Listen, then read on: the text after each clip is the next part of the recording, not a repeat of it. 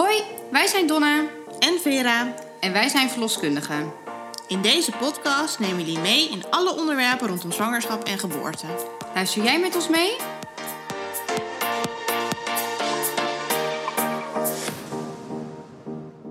Welkom bij een nieuwe aflevering van de Verloscast. Ehm, ik zit hier met Helene, mijn co-host, en met klinisch verloskundige Marloes. Ehm, voordat we beginnen, even een kleine mededeling. We hebben wat ehm, troubles met de microfoon vandaag. Dus we hopen dat het geluid een beetje goed is en dat jullie ehm, met plezier luisteren naar deze podcast. Marloes, wil jij jezelf even voorstellen? Ja, dat is eh, goed. Ik ben Marloes. Ik ben eh, vijf jaar werkzaam als klinisch verloskundige.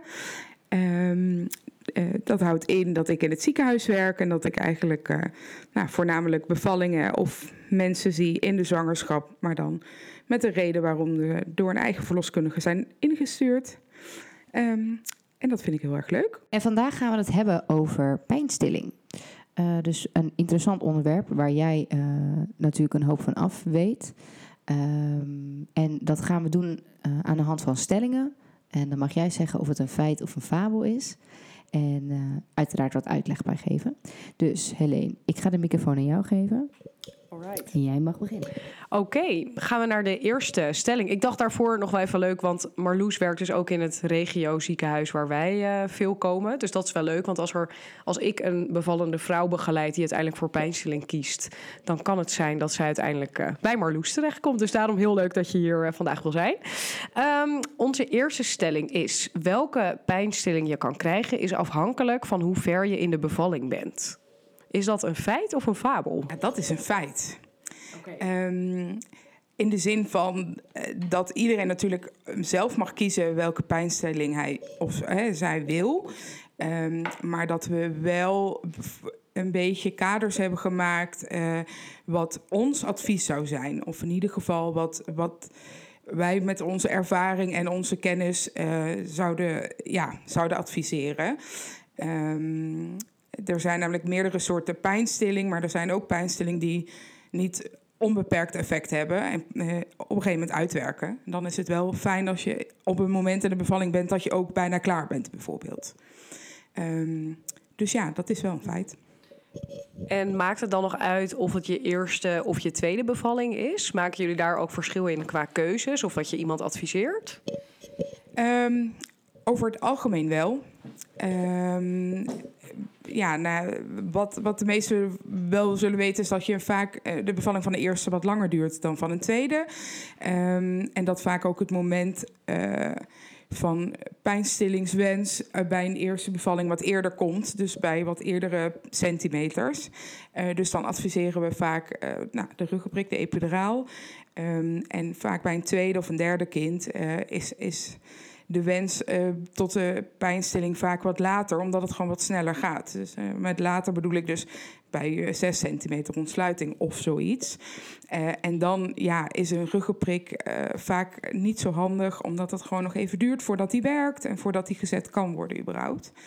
Ehm, dus ja, het, het, dat heeft er echt wel invloed op. En ehm, je zei net al heel even de epiduraal. Ik denk dat dat ook wel de bekendste vorm van pijnstilling is. En tenminste, ik denk dat veel vrouwen daar wel van hebben gehoord. Eh, wil je nog even kort toelichten van wat is dat nou? Want ik kan me herinneren in mijn stage dat ik voor het eerst zag dat er een ruggenprik geplaatst werd. En dat ik gewoon echt dacht dat iemand een prikje in zijn rug kreeg. En toen uiteindelijk bleek dat de anesthesist wel iets meer ging doen dan dat. Dat was de eerste en de enige keer in mijn leven dat ik bijna nokkie ging. Omdat ik het gewoon zo niet had aanzien komen. Dat ik dacht, huh? Maar dat was toch gewoon een prik in je rug, weet je wel? Maar daar kwam wat meer bij kijken. Wil je dat een beetje toelichten? Ehm, ja, een ruggenprik klinkt, eh, dat is de Nederlandse benaming voor de epiduraal. Wij, wij, wij zeggen heel vaak epiduraal. Ehm, dat klinkt inderdaad alsof je een eenmalige prik krijgt en dat is het dan. Maar dat is het niet helemaal. Ehm, wat er gebeurt is dat, nou, allereerst moet al de anesthesist bellen, dus eh, de, de arts die de ruggenprik kan plaatsen. Eh, en, dan, en dan wordt je huid verdoofd met een aantal prikjes. Eh, ehm, en daarna krijg je een wat, wat grotere naald in je rug. Ehm, en als die goed zit, dan gaat de naald weer weg en dan blijft er een heel dun eh, draadje, een katheter noemen we dat dan, achter in je rug. En daardoor komt er eh, pijnstilling. Ehm, dus het is niet zo dat er één prik wordt gegeven en dan is het klaar. Ehm, eigenlijk loopt er continu een infuus met een beetje pijnstilling in je rug. En het is per ziekenhuis verschillend of dat inderdaad continu is... of dat je zelf op een knopje mag drukken voor een volgende gift. Ehm, ja, dus er komt wel wat meer bij kijken. Het ziet er ook eh, vaak wel wat indrukwekkend uit als je niet begrijpt dat er echt wel een naald bij komt kijken. En niet zomaar iets vergelijkbaars als bijvoorbeeld eh, eh, ja, bloedprikken of zo. Dus dat is ja, wat een ruggenprik inhoudt. Is het voordeel natuurlijk wel dat het in je eigen rug is. Dus als die wordt geplaatst, zie je zelf eigenlijk helemaal niet wat er gebeurt. En ik heb ook wel het idee dat vrouwen de plaatsing zelf eigenlijk helemaal niet zo pijnlijk vinden. Want dan zit je al zo in je pijn van de weeën dat je op een gegeven moment denkt, nou, ik heb wat nodig. En ja, dat je dat ook prima dan kan handelen, toch? Ik weet niet wat jouw ervaring daarmee is. Het meest gehoorde wat ik, wat ik zie in bevalkamers is eh, dat iemand zegt: Ik ben er heel bang voor, een ruggenprik, daarom wil ik het liever niet. Ehm, en dat we in het gesprek toch, hè, dat een dame toch zegt: Ja, maar ik denk dat dit wel de beste keuze voor mij is op dit moment. En dat ik na een uurtje terugkom als hij goed zit en dat iedereen, iedereen zegt: Oh, dit viel me echt reuze mee. Want je ziet het zelf niet. Je, je bent er niet mee bezig. Je voelt alleen maar die kleine prikjes voor het verdoven van je huid. Maar dat is niks in vergelijking met pijn van weeën. Um, en mensen zeggen, ja, je moet heel stil zitten. Dat klopt. Je moet even stilzitten voor het prikken van daadwerkelijk uh, de, de, de, grotere naald. Maar ook dat wordt getimed tussen de weeën door.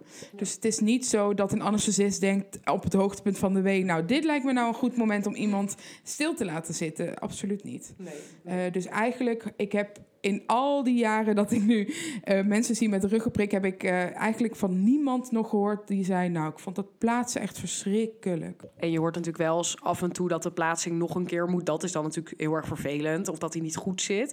Maar volgens mij, de basis is de plaatsing niet iets wat zelf voor mensen heel naar is, toch? Nee, nee, oké. Okay. Nou, hebben we het natuurlijk vooral over de ruggenprik gehad. Um, kan je wat vertellen over welke vormen van pijnstilling er nog meer in het ziekenhuis aangeboden worden? In het ziekenhuis, en dat is overal in Nederland een beetje verschillend. Um, in ons ziekenhuis bieden wij ook remifentanil aan.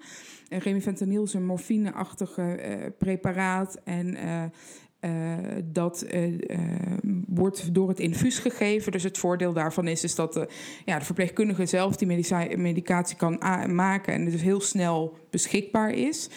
Um, en uh, je drukt dan zelf op het knopje wanneer je de volgende gift wil. Um, je kan heel vaak op het knopje drukken. Krijg je niet altijd uh, de gift. Uh, er zit wel een, een, een, blokkade op, zodat je niet jezelf kan overdoseren. Um, maar het geeft wel een gevoel van controle. En dat is juist iets wat barende vrouwen heel erg missen in de bevalling op een gegeven moment. Dat controle, ja, de, de, dat verliezen ze heel vaak. En dan hiermee krijgen ze het een beetje terug. Veel mensen omschrijven het als de beste vriend, het knopje van de, van de remifentanil. Um, dus die werkt, het, het nadeel van remifentanil is dat maar vier uurtjes ongeveer werkt. Dus dat is een medicijn waar we zeggen: hey, als je al wat verder in je, je bevalling zit, is dat fijn om de, de scherpe randjes eraf te nemen. Um, het grootste verschil met een epiduraal, een ruggenprik, die zit in de meeste gevallen, als die goed zit, werkt die gewoon heel goed en voel je bijna niks meer. Bij de remifentanil, bij de morfine, voel je wel wat. Uh, je voelt echt nog wel de weeën, je moet ook echt die weeën nog wegzuchten. Alleen de scherpe randjes zijn eraf en tussen de weeën door zijn mensen veel ontspannender. Uh, en dat werkt ook heel vaak voordelig. Verder heb je ook nog betadine. Um, in ons ziekenhuis gebruiken we dat eigenlijk alleen maar in combinatie met Venergan, wat een uh, uh, slaapmedicatie is. En dit gebruiken we vaak in heel, of helemaal in het begin van de bevalling, of in het ja, punt wat we noemen als rommelen. Dat is een, heel verloskundig iets om te zeggen, je bent aan het rommelen. Uh, maar dat is eigenlijk weeën, oefenweeën, uh, zonder dat je daadwerkelijk veel ontsluiting erbij krijgt. En als mensen dan twee nachten al niet hebben geslapen of een hele nacht niet, is vaak betadine, venegan iets om te zeggen, nou dan kun je in ieder geval een paar uurtjes slapen en dan kijken wat je lijf doet. Uh, soms pakt het lichaam dan toch op en gaat verder met weeën maken. En soms is dit ook een reset. Uh, dus dat is ook een optie wat we geven. maar dat geven we niet als iemand actief aan het bevallen is. Nee, en dat doe je dus met name dan niet omdat iemand dan eigenlijk gewoon het doel ervan is erop slapen, toch? Dus als iemand echt al actief is, dan denk je, nou, hè, dan kan je beter een ruggenprik nemen.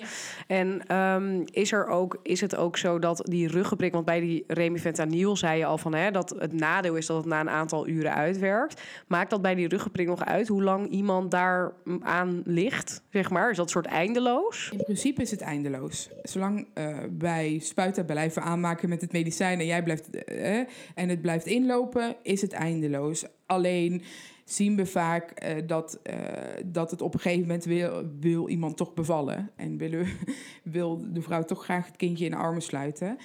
Maar ja, je kan daar heel lang mee door blijven gaan. Um, het, ja, er, zijn natuurlijk ook weer nadelen van een, van een epiduraal. Um, je bent echt uh, gebonden aan je bed. Uh, je kan koorts ontwikkelen. En dat is wel iets wat we altijd heel serieus nemen. Als iemand koorts krijgt tijdens de bevalling, is dat wel een reden om soms medicaat, om antibiotica te geven tijdens de bevalling. En soms ook voor het kindje antibiotica te geven. Dus dat zijn wel ook nadelen van de ruggenprik. En elk medicijn wat we geven zit er natuurlijk voor- en nadelen. Ja. Um, uh, en ja. Nou ja, beide medicaties worden uitgezet als je gaat persen. In de meeste gevallen. Soms gaat de ruggenprik wel, blijft wel aan. Um, maar als iemand heel goed verdoofd is en je voelt echt niet waar je naartoe moet persen, ja, dan werkt het gewoon tegen je. En dan doe je zelf heel erg je best om te persen en te persen. Maar ja, als je niet voelt waar naartoe, is dat gewoon echt een haast onmogelijke klus. Ja. Um, je had het net al over wat nadelen bij de pijnstilling. Um, dat brengt mij op de volgende stelling. Als je pijnstilling neemt, doet de gynaecoloog je bevalling. Is dit een feit of een fabel? Ja, dat is wel echt een fabel. In de zin van dat de gynaecoloog wel uiteindelijk eindverantwoordelijkheid eh, krijgt over je bevalling. Um, maar in de meeste gevallen zie je geen enkele gynaecoloog uh, aan je bed. Zie je voornamelijk klinisch verloskundigen of artsassistenten die nog in opleiding zijn uh, aan je bed. Omdat uh, ja, de gynaecoloog natuurlijk verantwoordelijk is voor een hele afdeling en niet zomaar elke bevalling kan gaan doen. Um, dus uh, nee, je moet het toch echt doen met verloskundigen. -hmm. En jij bent dan dus zo'n klinisch verloskundige. En voor mensen is dan natuurlijk van... oké, okay, je, je, hebt al die tijd dan bij je verloskundige in de praktijk gelopen. En dan uiteindelijk ben je in het ziekenhuis... en op een gegeven moment denk je... nou, hè, ik heb toch iets voor de pijn nodig. Ik wil voor die ruggenprik gaan. Uh, en dan kom jij ineens in beeld. Wat is dan eigenlijk het verschil tussen jou en mij, zeg maar, voor die mensen? Hoe gaat dat? Ja, het verschil is natuurlijk dat ik tien minuten de tijd heb om de band uh, een beetje te evenaren waar jullie heel wat maanden de tijd voor krijgen. Um, en dat vind ik het leuk aan klinisch werken, dat je juist, uh, ja, vind, dat vind ik de uitdaging. Um, maar ja, er is niet heel veel verschil tussen verloskundigen, tussen, tussen jou en mij.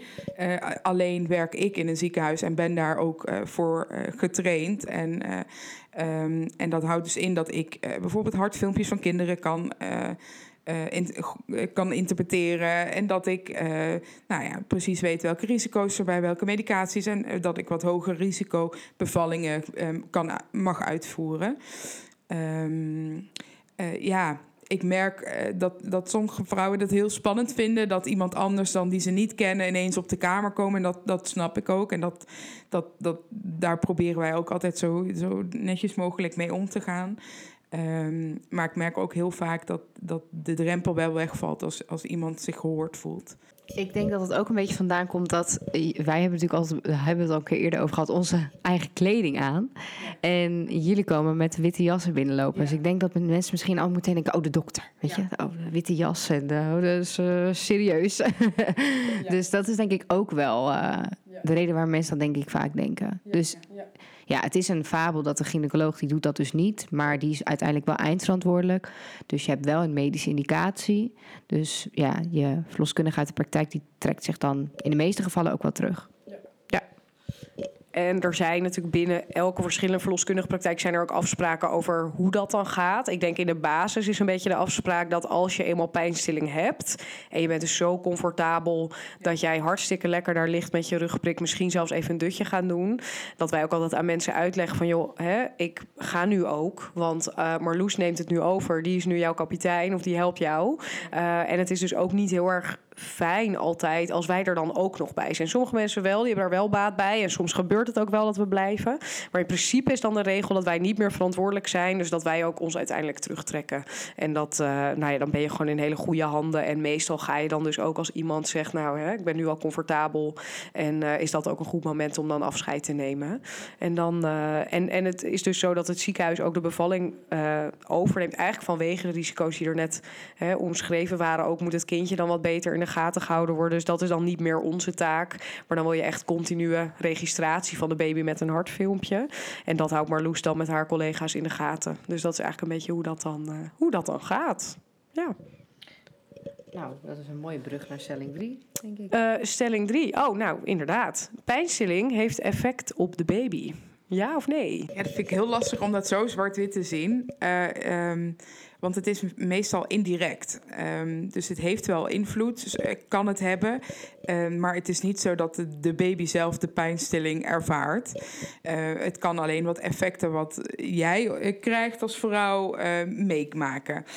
Dat is bijvoorbeeld de reden dat we bij de morfine de pomp uitzetten als je gaat persen. Um, uh, soms uh, wordt je ademprikkel een beetje onderdrukt door de remifentanil. En als de baby dan heel snel geboren wordt, binnen 10 minuten, kan het zijn dat de baby dus ook even niet die ademprikkel krijgt. Nu uh, kunnen we daarbij de baby heel goed bij helpen. Maar dat is wel de reden waarom het in het ziekenhuis gebeurt en waardoor, waarom we de baby goed in de gaten willen houden. Um, maar het is niet zo dat de baby rechtstreeks het effect voelt van de pijnstilling. Um, dus dat is een fabel, maar ja. het is ook een beetje een feit. En hoor jij vaak dat mensen het om de reden van de, hè, het effect op de baby, zeg maar, is dat voor mensen vaak een reden om niet voor pijnstilling te kiezen? Dat is vaak de reden waarom mensen van tevoren voor de bevalling denken dat ze geen pijnstilling uh, willen. En maar zodra ze in de bevalling zitten, dat ze toch denken: hé, hey, ik, uh, ik wil uh, toch wel heel graag pijnstilling. Ja, precies. Daar kan ik me ook wel in vinden. Dat is ook wel wat ik op het spreekuur van mensen hoor. Zo van, nou ja, ik wil dat in principe niet. Ik ben toch al bang dat ik daarmee de baby iets aandoe. Of in ieder geval ook wel alle risico's voorkomen. En ik leg ook altijd wel op het spreekuur aan mensen uit. Van weet je, dat, dat, dat is gewoon een hele mooie insteek. En dat is prima om te proberen. Maar weet wel dat het bestaat. En dat het soms je wel, dat je het soms gewoon echt nodig hebt. Dat je als je urenlang op twee centimeter zit en je komt niet verder. Dat het zo ontzettend fijn is dat er opties bestaan. Maar dat het ook een helemaal prima uitgangsbasis is om te zeggen: hè, kijk gewoon zo lang mogelijk of ik het natuurlijk red. Ook oké, weet je. Dat is ja. En sommige mensen kiezen ook al op voorhand dat ze echt zeggen: ik weet al zeker dat ik het wil. Kan ook. Ja, ja maar ik denk wel een, een boodschap voor de, de zwangere luisteraars onder ons. Ik zou me in de zwangerschap al verdiepen in pijnstilling. Kijk wat de risico's zijn. Weet je, wat zijn de voor's en tegens? Luister goed naar deze podcast. Um, want tijdens de bevalling, ja, weet je, ik denk dat iedere barende pijnstilling door het hoofd krijgt op een gegeven moment. Er komt een fase dat je denkt, ja, dit trek ik niet en er moet nu uh, een ruggenprik in. En dat is natuurlijk ook helemaal niet gek, want een bevalling is ook heel pijnlijk. Maar dan, uh, als je dat echt wil, dan komt Marloes eerst nog het hele risicoplaatje even bespreken. Uh, en dan kan je helemaal niet echt helder nadenken. Dus je moet het wel bespreken, maar toch? Dat is ja. En, en doe dat ook vooral met degene die ook bij je bevalling is, als uh, je partner of je moeder of wie er ook bij is. Bespreek dat ook samen. Het werkt echt om het van tevoren allemaal een keer gehoord te hebben. Want ik ben verplicht om alle risico's en alles weer te vertellen. Uh, maar ik ben ook heel blij als je al iets weet ervan. Uh, want dan blijft het echt beter hangen. En dan kun je ook beter die keuze maken. En ben ook vooral niet te streng voor jezelf. Denk niet als je heel graag zonder pijnstilling wilde bevallen. en je wil het toch heel graag. en je hebt pijnstilling genomen van. nou, nu heb ik gefaald in mijn bevalling. Of andersom. Dat je denkt, nou, ik wilde heel graag pijnstilling. maar het ging zo snel. Uh, het, is, het is niet gelukt of wat dan ook. Um, denk dan ook niet, oh, ik heb gefaald, want ik heb het niet op tijd aangegeven of wat dan ook. Ja. Het loopt gewoon zoals het loopt. Ik denk dat het daarin inderdaad echt heel belangrijk is dat je er open-minded in gaat en dat je zeker van tevoren ideeën kan hebben over wat je wel niet zou willen en ook wat je eerste voorkeur zou zijn. Sommigen zeggen, ik wil liever geen pijnstilling, maar als ik wat wil, liever dat pompje. Weet je, dat is allemaal helemaal oké. Okay. En wij gaan op dat moment dan ook nog met jou kijken wat past. En soms is dat dan niet hetgeen wat je van tevoren had bedacht. Dat is echt belangrijk dat je van tevoren daar ja, gewoon zo open mogelijk in gaat, denk ik. Ja, ja. Um, de volgende stelling. Het kan voorkomen dat je de pijnstilling niet krijgt. Ja, daar begon ik net natuurlijk al een heel klein beetje over. Dat kan voorkomen, ja. Uh, dat kan, uh, dus dat is een feit. Um, dat kan meerdere redenen hebben. Uh, meestal heeft dat dan met de snelheid van de bevalling te maken. Nou, in de meeste ziekenhuizen, als je een ruggenprik wil, moet de anesthesist uh, die, die plaatsen. En in de meeste ziekenhuizen heeft de anesthesist niet alleen maar dienst uh, voor de bevallende dames, maar ook voor alle andere operaties die uh, s'nachts, avonds, in het weekend of overdag plaatsvinden. Um, dus daar moeten we soms op wachten. Uh, en uh, elke anesthesist streeft ernaar om dat zo snel mogelijk bij iemand te komen. Maar dat kan soms wel even duren. Um, uh, en als de bevalling dan toch ineens heel erg opschiet en je bent al bijna naar het persgedeelte, ja, dan kan het zijn dat er toch door iedereen wordt geadviseerd: hey, misschien is het toch beter om het nu heel even niet meer te, te, te doen. Dus ja, dat gebeurt. En dat gebeurt ook wel eens met het pompje. Dat we uh, maar vijf minuten van de kamer af zijn. En dat dan toch ineens uh, de baby zich aandient. Ja, dan uh, wordt het niet meer gegeven. En het is natuurlijk wel iets wat je nu best wel vaak... een beetje zo'n nieuwsdingetje, weet je wel. Zo van, oh, mensen wilden ruggen prikken, maar kon allemaal niet. En het is ook wel iets wat ik, wat ik zelf best wel vaak ineens dan op social media terugzie. Ik persoonlijk vind dat in de praktijk eigenlijk heel erg meevallen. Wat is jouw idee? Ja, ik heb die indruk ook dat dat heel erg meevalt. We hebben wel de afgelopen jaren in de piek van de coronacrisis wel wat vaker gehad dat iemand wat langer moest wachten, omdat de anesthesisten gewoon heel druk bezig waren. Maar wat we heel erg proberen is als we weten dat we iets langer moeten wachten op de arts, dat we bijvoorbeeld wel alvast het morfinepompje geven. Dat iemand wel al iets van pijnstilling heeft, totdat de daadwerkelijke keuze gegeven wordt. Uh, dus uh, um, ik kan er natuurlijk alleen maar spreken op, over de plek waar ik werk. Ik weet niet precies hoe het in andere ziekenhuizen gaat, maar bij ons is, is het de kans niet heel groot dat je het niet krijgt omdat uh, de arts urenlang onbereikbaar is. Nee. En wat ik nog zelf wel belangrijk vind om daarbij te vermelden, is dat we altijd eerst moeten kijken of het goed gaat met de baby. Dus als jij bij je eigen verloskundige, dus misschien een van ons bijvoorbeeld aangeeft dat je iets voor de pijn wil, dat we eerst een half uur verplicht zijn om een hartfilmpje van de baby te maken. En op dat moment heb jij natuurlijk, zit jij in baringsnood. Dus dan denk jij alleen maar, ik wil nu iets voor die pijn. Dus ik denk dan dat iedere minuut voor jou te lang duurt. Maar dat je ook wel rekening ermee houdt voordat je gaat bevallen. Dat op het moment dat jij het aangeeft, dat echt wel een uur kan duren voordat je iets hebt en voordat iets gaat werken, bijvoorbeeld. Soms moet je zelfs nog vanuit huis verplaatsen. En ik denk dat dat wel ook goed is voor de. Uh, hoe zeg je het? Gewoon voor, alvast vooraf. Dat je dat weet. Uh, want als je het eenmaal wil, ja, dan, kan, dan voelt iedere minuut langer. Terwijl iedereen echt wel zijn best doet uh, voor jou wat te regelen. Maar dat gaat gewoon niet hup, weet je? Nee, maar ik denk wel dat wij in Nederland zijn we natuurlijk wel anders minded qua pijnstilling dan de landen om ons heen. Ik heb uh, een vriendin in Spanje wonen en die wilde dus ook zonder pijnstilling. En die gynaecoloog die keek er echt aan of ze gek was. Die zei, nou, je krijgt geen prijs uh, bij de finish of zo hoor, als ja. je het zonder pijnstilling doet, weet je. Dus ja, wij, wij staan daar misschien wel iets anders in. En ook wel toegeven dat ik deze week een bevalling heb gedaan van iemand die dus graag pijnstilling wilde. Uh, dat was het tweede kindje. En ze had 6 centimeter. En de vliezen waren nog niet gebroken. En ik, ja, ik zie Marloes al kijken van, oh ja. En ik dacht echt, oh meid, als ik je vliezen breek, dan is je baby er echt zo. Um, goed, kunnen we natuurlijk helemaal niet in de toekomst kijken, maar dat is de ervaring vaak. Um, maar ze wilde dat toch heel graag, uh, dus prima. Maar dan moesten we dat regelen. Uh, maar inderdaad, eerst nog het hartfilmpje en in de tussentijd vliezen gebroken. Nou ja, toen uh, was het al te ver voor die pijnstilling uiteindelijk. Dus zo kan het lopen. Maar het is inderdaad denk ik wel echt een fabel dat we zeggen van je kan het niet krijgen of zo. Alleen we bieden het ook niet actief aan. Nee. Het is niet dat wij als verloskundigen zeggen van... joh, hey, misschien moet je even een rugprik doen. Nee, en dat is natuurlijk echt zoiets super Hollands. Zo van, wij zijn nuchtere dames, wij moeten dat allemaal zonder kunnen. En hup, hup, hup, weet je Dat is ook wel de insteek van hoe de zorg hier is ingericht. Wat ook heel erg mooi is. Want dat is denk ik ook wel de reden dat we in Nederland... ten opzichte van andere landen ook nog best wel hoge cijfers hebben... van mensen die toch zonder medicatie natuurlijk bevallen. Maar dat hoeft niet de... Hè, dat is niet dan altijd hoeft dat dan je de mooiste ervaring te geven? Want sommige mensen hebben een hele fijne ervaring met een ruggenprik. Weet je wel? Dus dat is wel iets wat in Nederland best wel. Dat is denk ik in ons voordeel, maar ook echt wel in ons nadeel. Ja. De volgende stelling is: met pijnstilling kan je gewoon nog lopen. Ja, dat is in principe een fabel, want het is niet waar. Ehm, je kan niet lopen met je pijnstilling. Ehm, eh, met remifentanil, dat effect ben je echt wel een beetje high stoned-achtig van. Eh, dus eh, dan draait de wereld een beetje. dan vind je het eigenlijk wel lekker in bed. En met de ruggenprik voel je vaak je benen wel nog, maar kan je niet echt kracht meer zetten op je benen. Uh, op enkele plekken in Nederland wordt er wel een walking epidural gegeven. Dus dan krijg je een iets lagere dosering van de medicatie, waardoor je je wel nog kan bewegen.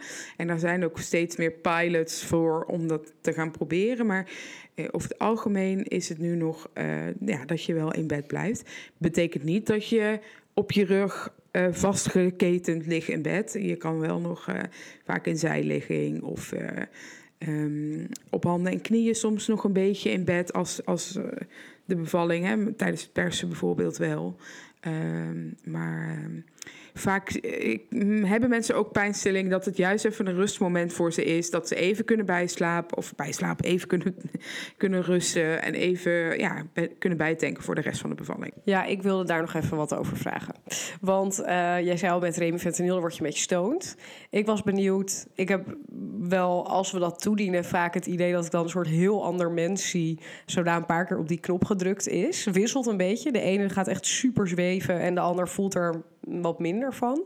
Sommigen vinden het ook wel vervelend dat ze er een beetje misselijk van kunnen worden. Of vinden juist dat high gevoel helemaal niet zo heel erg prettig. Uh, maar ik was benieuwd hoe... Jij ziet dat veel vaker dan ik. Wat, wat zijn nou je mooiste ervaringen van mensen die daar op die knop ligt te drukken? Nou, er zijn wel vrouwen die, uh, die komen met uh, herinneringen aan voorbijgaande jaren dat ze leuke feestjes hebben gehad. Of uh, dat ze ja, dat gevoel weer helemaal terugkregen.